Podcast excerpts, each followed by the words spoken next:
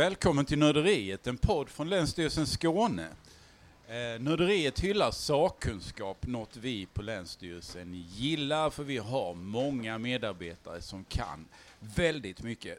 Och två av dem är ju Erika Hjelm och Ida Rosengren som jobbar på enheten för social hållbarhet. Hej på er! Hej!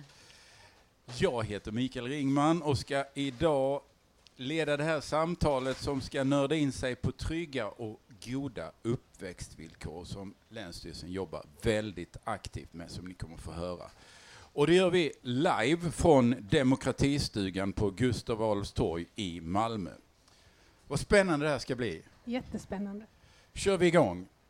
Eh, och jag tänkte jag börja med en fråga till dig Erika. Barn har rätt till trygga och goda uppväxtvillkor. Det heter det ju. Men vad innebär det? Det innebär till exempel att alla barn har rätt till ett tryggt hem och till en utbildning och att barn ska skyddas mot våld, narkotika och alkohol. Men det handlar också om att alla barn har lika värde och att inget barn får diskrimineras. Barn och uppvä ungas uppväxtvillkor påverkas av flera olika saker. Och något som spelar väldigt stor roll, det är föräldrarnas livsvillkor. Alltså deras ekonomiska situation, hur de bor, var de bor och vilket socialt nätverk som föräldrarna har.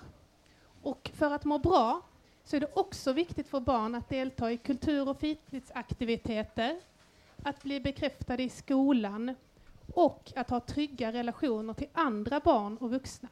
Mm. Och sedan första januari så är det faktiskt så att eh, 2020 att vi har en barnrättslag i Sverige. Eh, och den tillsammans med andra lagar den syftar just till att säkerställa barns rättigheter. Eh, och alla barn ska så långt det är möjligt ges samma förutsättningar i livet. Ja, men varför är det så viktigt då? Ja, men förutom då att barnkonventionen är svensk lag sedan 1 eh, januari 2020 så är det också under de första åren som barn, eh, alltså som man lägger grunden. Eh, Sådana saker som till exempel kognitiva förmågor utvecklas, språk, minne, eh, men också mer personliga egenskaper som till exempel självförtroende och tålamod eh, läggs väldigt tidigt. Eh, och barn som då har den här möjligheten att utveckla de här grundläggande förmågorna, eh, de får liksom en stabil grund eh, att stå på. Eh, och i förlängningen så ger det eh, rätt förutsättningar eh, för en god hälsa. och ojämlikheter i uppväxtvillkoren påverkar väldigt mycket barn och ungas hälsa. det påverkar deras möjligheter till att göra val, till exempel vilket yrke de väljer eller vilken inkomst de sen får i vuxenlivet. och detta i sin tur definierar också villkoren för nästa generation. Vad säger du om detta Erika? Du kanske också har någon kommentar till detta? Ja men precis. Eh, precis som Ida säger så spelar förhållanden i barndomen väldigt stor roll för både hälsa och livsvillkor senare i livet. Och därför är investeringar i barns uppväxtvillkor jätteviktiga, både för individen och för samhället. Eller det är inte bara viktigt, det är en, det är en nödvändighet att vi investerar tidigt för att alla barn ska få trygga och goda uppväxtvillkor för att klara framtidens välfärd. Vi är helt beroende av att människor i arbetsför ålder är anställningsbara och behåller en god hälsa högt upp i åldrarna. Och eh, utöver det så är det också viktigt att förebygga negativa utfall som till exempel missbruk, våld och kriminalitet som annars kostar samhället både resurser och lidande. Mm. Alltså kostnader kan också vara investeringar då. Eh, och jag tänker att det finns ju en koppling också mellan uppväxtvillkor och demokrati. Hur ser det ut Erika? Ja men eh, vi kan, eh, idag kan vi se att det finns ett ifrågasättande av demokratin. Och de här tendenserna kan hänga ihop med ökad ekonomisk otrygghet, ökad ojämlikhet och en känsla av generellt försämrade möjligheter att påverka sin egen livssituation. Eh, och I en enkät visade sig att var fjärde ung svensk inte tyckte det är så viktigt att de får leva i en demokrati och tycker att det vore bra, eller mycket bra, om Sverige styrdes av en stark ledare som inte behöver bry sig om riksdagen eller allmänna val. Och resultatet visade att ju högre utbildningsnivå de svarande hade, desto större respekt för demokratiska värden. Och det finns också andra undersökningar som visar att elever med högre studier visar genomgående större respekt för demokrati och rättigheter. Och det är ju så att eh, barn med olika familjebakgrund har olika förutsättningar att utvecklas som människor. Och en av skolans mest centrala uppgifter det är att jämna ut de här förutsättningarna genom att garantera dels en hög lägstanivå på kunnandet men också på färdigheterna. Så på lång sikt kan vi säga att skolan är det viktigaste instrumentet för att skapa ett jämlikt samhälle. Och tanken om en allmän och obligatorisk skola, det är ju ett arv från upplysningen och därför en grundläggande del i demokratin. Eh, och eh, dessutom så eh, deltagande i föreningar kan öka både ungdomars och vuxnas, vuxnas förmåga att jobba ihop i grupp och respektera att beslut tas gemensamt. Och därigenom bidrar föreningsdeltagande till att hålla demokratin levande i landet.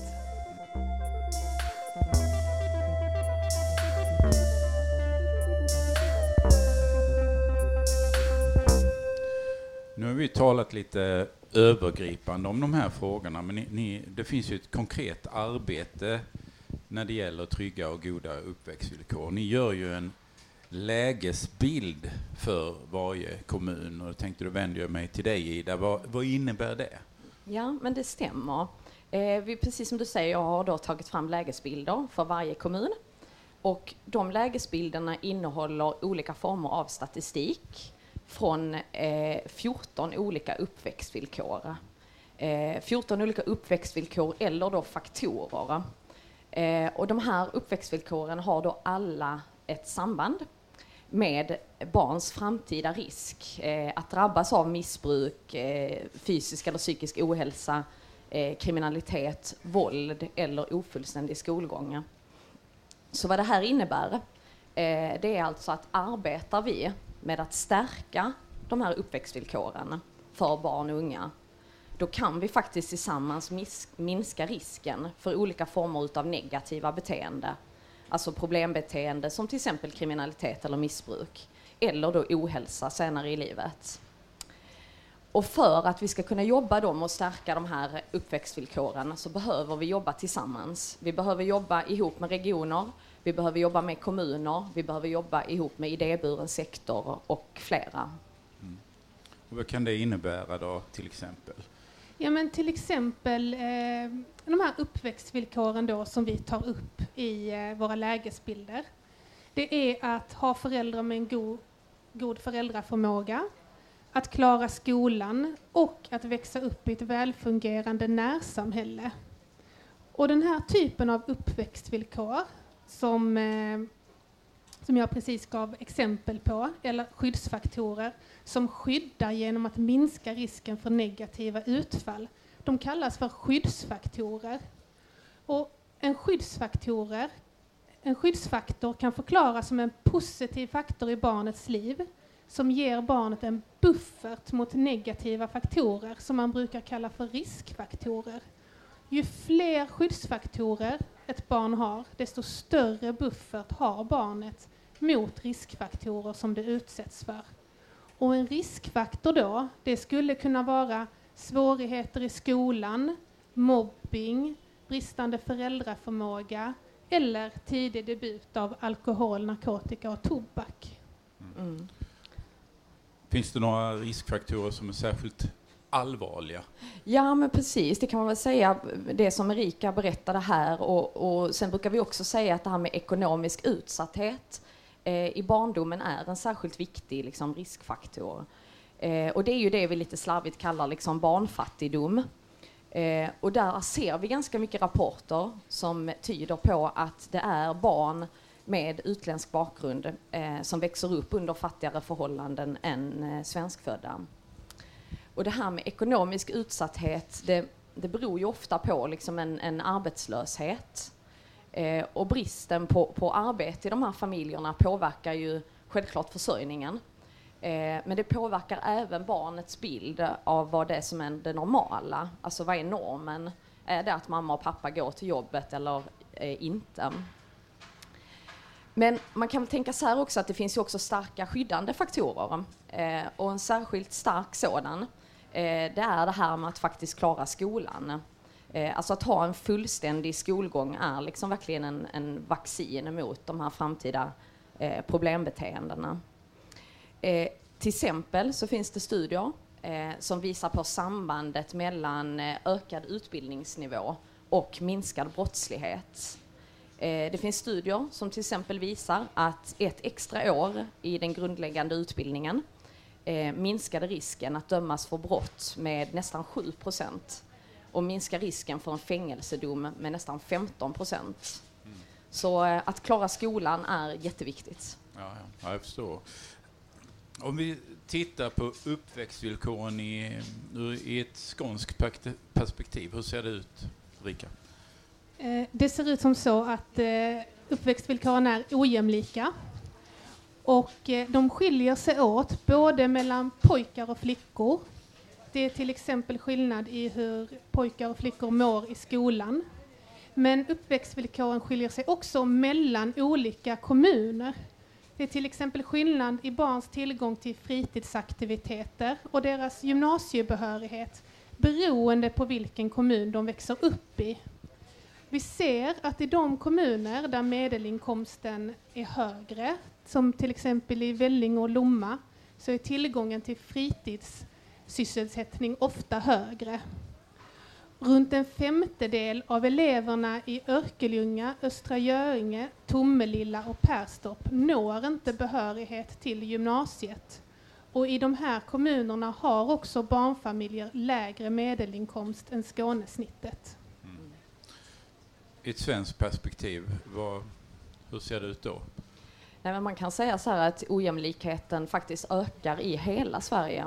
Eh, och vi står faktiskt inför ett trendbrott eh, där föräldrar eh, för första gången upplever att deras barn faktiskt har det sämre än vad de själva hade det när de växte upp. Eh, andelen invånare i Sverige eh, saknar det som vi brukar kalla kontantmarginal. Eh, och med det menas man då att man kan få fram en lite större summa pengar eh, för en oförutsedd utgift utan att be andra om hjälp. Och den här andelen då som saknar en sån här kontantmarginal, den har alltså ökat under de senaste tio åren med 300 000 invånare. Det är ju lite deppiga siffror. Ja, det är ju det. Ja. Man kan bli lite nedslagen av siffrorna och av situationen. Men för att lätta upp stämningen så så är det så att vi vet faktiskt att det som får barn att må bra och klara skolan, det är inte rocket science, utan vi kan göra något. Mm. Och om vi är osäkra på vad vi ska göra så finns det massor av kunskap att luta sig mot. Och om vi då får lyfta fram eh, tre saker som vi skulle säga, men gör det här, så skulle det vara att investera tidigt i barnens liv, både vad det gäller att stärka positiva faktorer men också plocka bort negativa. Och se till att investeringar och insatser når ut till alla barn. Ingen får lämnas utanför. Och slutligen, så barn och ungas uppväxtvillkor, det är en komplex samhällsutmaning. Och komplexa utman samhällsutmaningar kännetecknas av att ingen aktör ensam äger problemet. Och därmed har ingen ensam aktör heller hela lösningen. Men om vi arbetar tillsammans, flera olika aktörer, då kan vi göra skillnad. Så ungefär, gräv där du står utifrån ja, ja. din organisations förutsättningar, men gräv inte ensam. Um, och om jag då får lägga till en fjärde så... Uh, Gör det. Ja, för det, ja. vad bra. Uh, kom, ja. Gör barn och unga delaktiga i arbetet. Det handlar ju om deras framtid och inte minst deras nu. Mm. Det är kanske en självklar fråga här, men den här kartläggningen som ni har gjort, varför har ni gjort den? Um, Jo, den har vi gjort. Dels för att få en överblick över läget för barn och ungas uppväxtvillkor i Skåne, men också för att som länsstyrelse kunna prioritera och hjälpa de kommuner som behöver mest stöd. Men vi ser också att den är till nytta för kommunerna genom att de får en övergripande bild över vilka uppväxtvillkor som de behöver jobba med att stärka. Det här är en ganska stor satsning, Ida. Hur har ni gått tillväga? Ja, men det är det. Eh, vi har tagit fram en kartläggning av de här uppväxtvillkoren. Eh, och det här är då uppväxtvillkor som vi vet kan förebygga att ett barn senare i livet hamnar i missbruk, kriminalitet, använder våld, drabbas av psykisk eller fysisk ohälsa eller då inte klarar av att gå ut skolan. Alla de här uppväxtvillkoren som vi använder oss av har en grund i forskningen, vilket innebär att vi vet att det faktiskt ger effekt eh, att jobba just med att stärka dessa uppväxtvillkor. Eh, vi har inte tagit fram någon egentlig ny statistisk undersökning, utan vi har sammanställt den statistik som redan finns på kommunnivå. Eh, den här kartläggningen den har hjälpt oss att identifiera de kommunerna som har störst utmaningar med att jobba främjande och förebyggande när det gäller barn och ungas trygga och goda uppväxtvillkor. Eh, vi har även samlat in eh, olika input från eh, kommunrepresentanterna i en workshop. Eh, och detta för att kunna göra vårt eh, stöd till kommunerna så relevant som möjligt. Mm. Men ehm, hur vet ni egentligen hur det står till i varje kommun?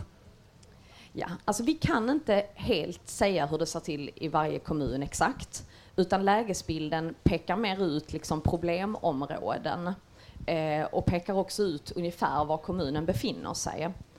Eh, men lägesbilderna vi har tagit fram är ändå en övergripande bild eh, av hur barn och ungas förutsättningar ser ut i de skånska kommunerna. Precis. Sen har ju kommunerna själva mer kunskap och statistik som behöver läggas till för att få en mer fullständig bild. Det finns till exempel stora skillnader i uppväxtvillkor mellan olika områden i samma kommun. Här i Malmö skiljer det uppemot sju år i förväntad medellivslängd beroende på vilket område man föds i. Eh, och det här att barns uppväxtvillkor skiljer sig åt mellan olika delar av en kommun, det har mycket att göra med just föräldrarnas uppväxtvillkor och deras livsvillkor och hur dessa ser olika ut i olika delar av en kommun. Men bortsett från det så finns det också grupper barn i varje kommun som i högre utsträckning än andra barn riskerar att inte få sina rättigheter tillgodosedda. Det kan till exempel vara barn med funktionsnedsättning, mm. omhändertagna barn, barn som utsätts för våld eller som har bevittnat våld. Och det är jätteviktigt att, att kommunen identifierar dessa barn. Inget barn får lämnas utanför. Och utöver det så behöver varje kommun också ta reda på vilka orsaker som ligger till grund för problemen som visar sig i lägesbilden så att de kan göra något åt orsakerna istället för att tillfälligt släcka bränder. Så om vi spinner vidare på det här med bränder och liknar problemet som ska åtgärdas vid en brand. Det skulle till exempel kunna vara att barn inte går ut skolan med fullständiga betyg. Då handlar det alltså om att ta reda på varför branden uppstod och sen genom att utföra insatser som undanröjer orsakerna till branden minimera risken att det börjar brinna igen. I längden så kostar det mindre än att endast fortsätta släcka. Och vi motverkar dessutom onödigt lidande för de som skadas i bränderna. Mm. Ja, men jag kan liksom sammanfatta lite här att så som vi tänker är att för att veta att vi sätter in rätt insats på rätt plats så behövs liksom mer kartläggning och analys göras i kommunen. Eh, men vi vet i mångt och mycket att det är samma orsaker som leder till våld, kriminalitet, missbruk, ohälsa eller då ofullständig skolgång. Och vad vi vill med det här arbetet, det är ju att arbeta just mot de här bakomliggande orsakerna tidigt. Och vi vill göra det innan en negativ utveckling har hunnit ske. Mm.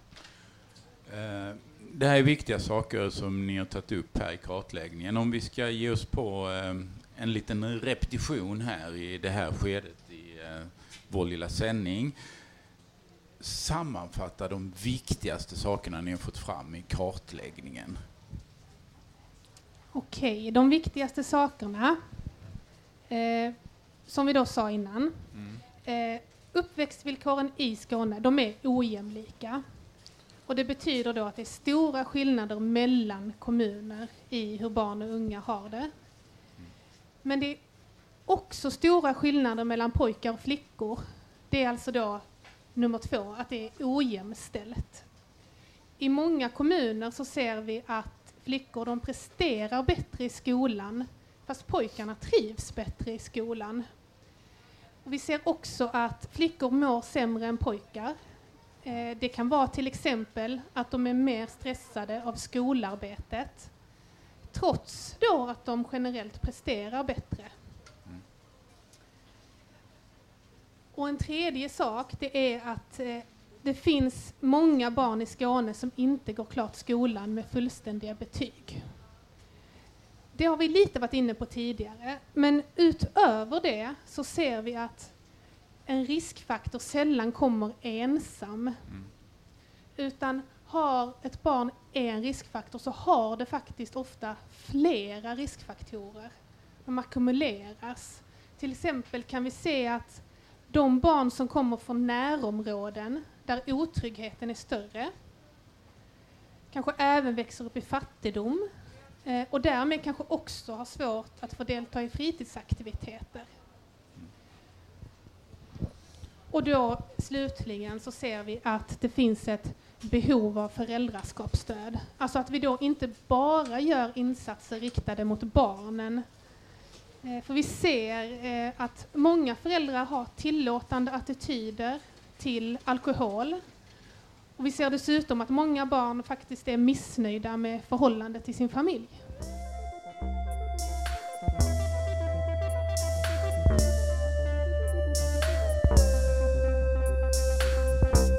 De här lägesbilderna då ni tar fram, hur använder ni dem gentemot kommunerna? Ja, alltså dels har vi då använt lägesbilderna för att veta vilka kommuner det är som vi ska rikta ett särskilt stöd till. Eh, och vi har då valt ut de kommunerna som har de största utmaningarna med att kunna ge barn och unga trygga och goda uppväxtvillkor.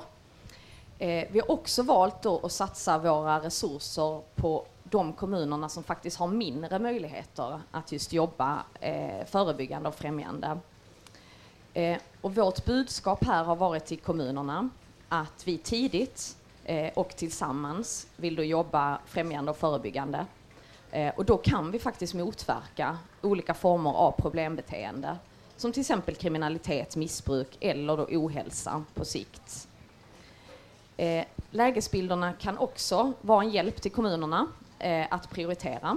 Det kan vara ett stöd till beslutsfattare eller till de som jobbar mer strategiskt med frågor som rör eh, förebyggande och främjande arbete i, i kommunen. Mm. Um, jag har hört att ni kan göra enskilda överenskommelser med vissa kommuner. Hur gör ni då?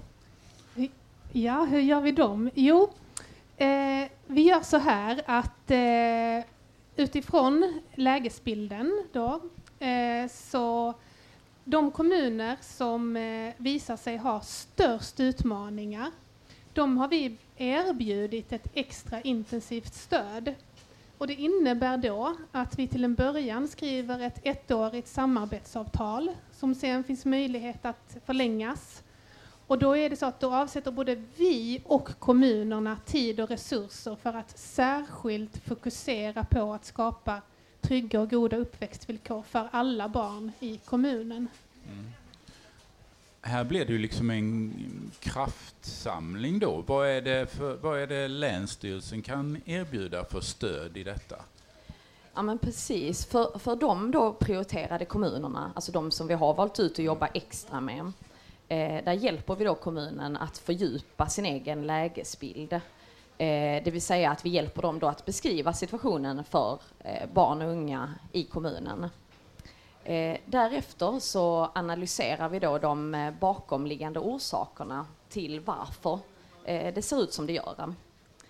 Eh, och när vi då vet vilka som är de bakomliggande orsakerna, då kan vi sätta in insatser för att komma till bukt med problemen. Så bildligt så eh, brukar vi säga så här att vi försöker att rycka bort eh, ogräset genom att dra upp rötterna. Eh, för det är ju väldigt vanligt eh, att vi i samhället jobbar väldigt reaktivt. Eh, alltså vi jobbar där, där vi ser att problemen redan har uppstått. Eh, till exempel kan vi sätta in ordningsvakter vid otrygghet eller vi ger en missbrukare vård och behandling. Och det här är ju självklart jätteviktiga insatser att också göra.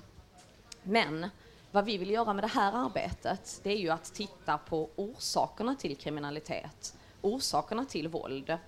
Och vi, och vi tror då att vi kan förebygga detta redan innan det händer. Till exempel så vet vi att killar som instämmer i stereotypa påståenden eh, om könsroller, de löper också fyra gånger högre risk att faktiskt utöva våld mot andra. Så istället då för att sitta där och vänta tills våldet uppstår eh, så kan vi faktiskt rikta våra insatser mot att till exempel öka jämställdheten och på så vis eh, förebygga stereotypa könsroller och därmed också våldet. Precis. Eh, vi hjälper också kommunerna att planera och samordna insatser och vi kan hjälpa till med att vara ett stöd i hur de kan följa upp och utvärdera sitt arbete. Vi kan hjälpa till att höja kunskapen i kommunen. Det kan handla om eh, höjd kunskap kring våldsförebyggande arbete, jämställdhetsintegrering eller till exempel barns rättigheter. Och de kommuner som då inte ingår i vårt fördjupade stöd just nu, de kan ta del av sin egen kommuns lägesbild som ligger på Länsstyrelsen Skånes hemsida. Och den kan de använda som en bit av pusslet som behöver läggas för att ta reda på hur barn och unga har det. Så um, hur ser um, lösningen ut? Alltså hur ska man... Uh, att, vi talar förebyggande faktorer. Hur ska man undvika detta, Ida? Mm.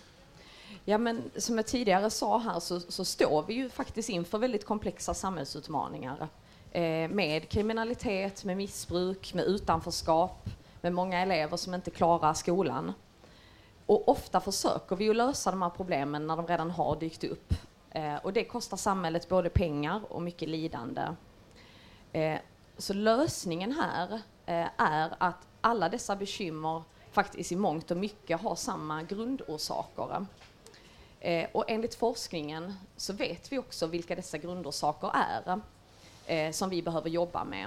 Och vi kan då tidigt eh, förebygga problem innan de ens har dykt upp. Eh, hälsoekonomiska studier visar till exempel att varje krona som man satsar på föräldraskapsstödsinsatser eh, ger samhället två till tre kronor tillbaka. Eh, och som jag sa här, det här är ju komplexa samhällsutmaningar vi står inför. Eh, och det gör ju också att inte en aktör ensamt kan förebygga de här problemen. Så vad vi behöver göra, eller en del av lösningen, är ju då att gå ihop tillsammans och, och jobba ihop.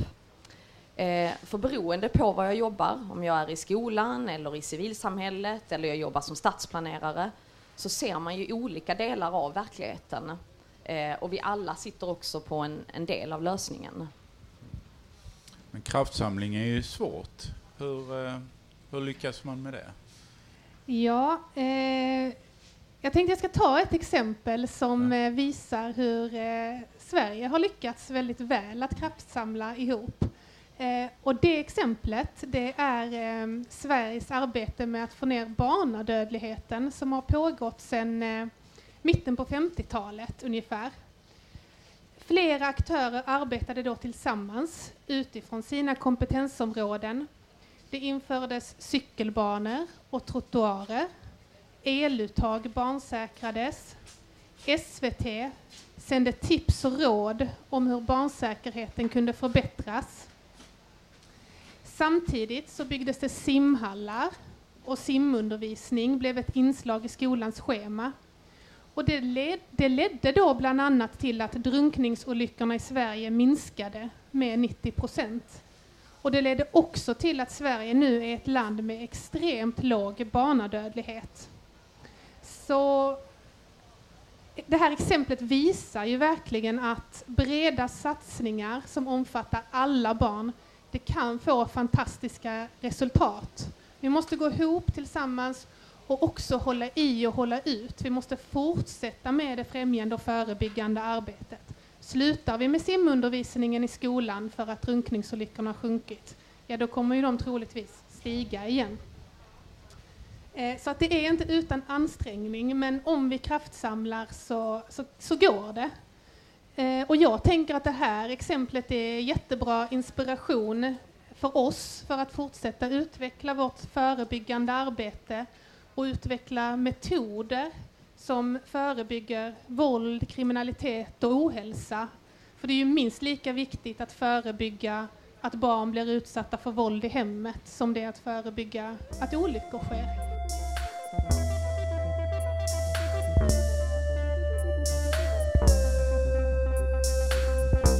Men om det, det här goda exemplet med barnadödlighet, alltså om vi nu ska sätta in, få nya exempel, var ska de här förebyggande insatserna sättas in? Vad är särskilt viktigt? Eh, oj, vad är särskilt viktigt? Ja. ja eh, det finns inget superenkelt svar på den frågan. Eh, men vi tror i alla fall att eh, lägesbilden kan vara en bra start för att identifiera vilka risker som behöver förebyggas och vilka skyddande faktorer som kan stärkas i kommunen. Um, så att, dock finns det då ett par områden som har stor betydelse för barn och ungas uppväxtvillkor. Och det är då först och främst att erbjuda alla föräldrar stöd i föräldraskapet. Att vara förälder är världens viktigaste uppdrag, men det är också ett väldigt svårt uppdrag.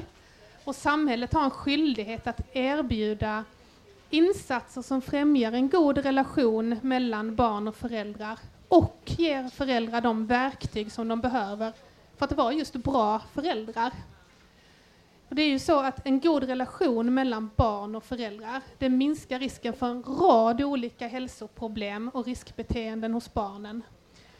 För barns hälsa är det jätteviktigt att föräldrarna visar omtanke och kärlek men också att de kan sätta ramar och gränser för barns beteenden. En annan sak som också är särskilt viktigt, det är ju att minska barnfattigdomen. Vi vet att föräldrars inkomst är en avgörande faktor, det har vi varit inne på tidigare. Och här behöver vi jobba långsiktigt utifrån flera olika områden. Vi behöver jobba med arbetsmarknadsinsatser, med utbildning, med bostadspolitik. Men samtidigt som vi gör det här långsiktiga arbetet för att förbättra villkor i framtiden så måste vi jobba här och nu och faktiskt kompensera för de barn som har sämre förutsättningar idag. Och det kan vi till exempel göra genom att tillföra många skyddsfaktorer som att erbjuda alla barn möjligheter till en meningsfull fritid. Och en tredje sak som också är särskilt viktig det är att satsa på skolan.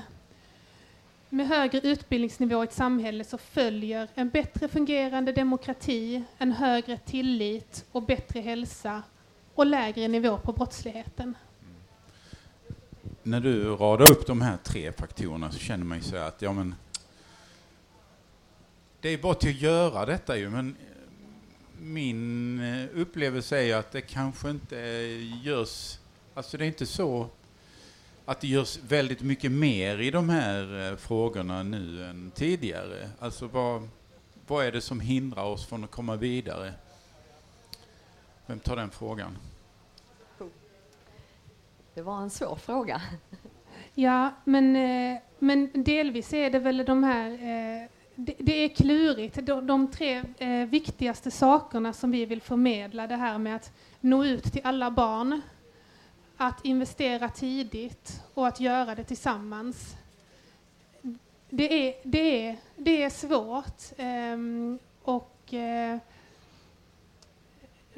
utifrån olika perspektiv kanske man ser olika lösningar på problemet. Det är därför vi också eh, vill underlätta för kommuner i Skåne att, eh, att se hur olika sektorer kan bidra med sin del till den gemensamma utmaningen som vi ändå ser och, och jobba tillsammans. Och det gör vi mycket eh, genom att just lyfta fram de här 14 uppväxtvillkoren som vi ser faktiskt, om vi kan jobba med dem så kan vi förebygga en rad negativa utfall. Vi, vi kan se det genom evidens att detta, detta får effekt. Det kan vara lite klurigt annars för kommuner till exempel. Det gör så himla många kartläggningar och undersökningar och det kommer eh, nyheter varje dag om det här är akut och det här måste vi hantera och det här. Eh, och då kan det bli splittrat eh, och också en upplevelse av att det är så mycket här och nu som vi måste hantera, så när ska vi komma in med det här främjande och förebyggande? Så frågan var väl hu, huret, um, och där, där ser vi, ja men just... Och det kanske inte behöver vara så att man gör en jättegrej utan gör många småsaker och får ihop dem helt enkelt. Precis, exakt. Alla behöver inte göra samma sak utan alla gör vad de, den organisationen eller kom, alltså är bra på men vi gör det synkat och samordnat utifrån att stärka barn och ungas uppväxtvillkor. Dessa kartläggningar som ju har börjat ganska nyligen, började förra året, hur ofta kommer Länsstyrelsen göra de här? Ja, men I nuläget så är vi ju på gång med en ny uppdatering eh, och den kommer att vara klar i början av nästa år. Eh, och därefter så kommer vi att regelbundet uppdatera de här kartläggningarna. Eh, det är viktigt att vi just gör det med regelbundenhet, eh, för vi vill ju kunna följa eh, barn och ungas uppväxtvillkor i Skåne. Alltså har det här arbetet någon effekt på sikt? Eh, för på sikt så är det ju det vi vill. Vi vill ju förebygga eh, framtida problembeteende och ohälsa. Eh, och det gör vi ju genom att säkerställa att barn får sina rättigheter tillgodosedda. Eh, att de blir garanterade delaktighet och inflytande över sina liv. Eh, och tillsammans så har vi ju ett ansvar faktiskt att ge barn och unga en trygg uppväxt och därmed också en tro på demokratin en tro på demokratin. Det blev bra slutord här vid demokratistugan på Gustavs torg. Erika Hjelm, Ida Rosengren. Det har verkligen varit jätteintressant och det låter som att det här arbetet faktiskt kan göra skillnad. Tack så jättemycket för att ni har berättat om detta. Tack så jättemycket för att vi fick vara med. Och tack till er som har lyssnat och tack till er som har tittat. Vi hörs så småningom i ett helt annat ämne. Hej hej!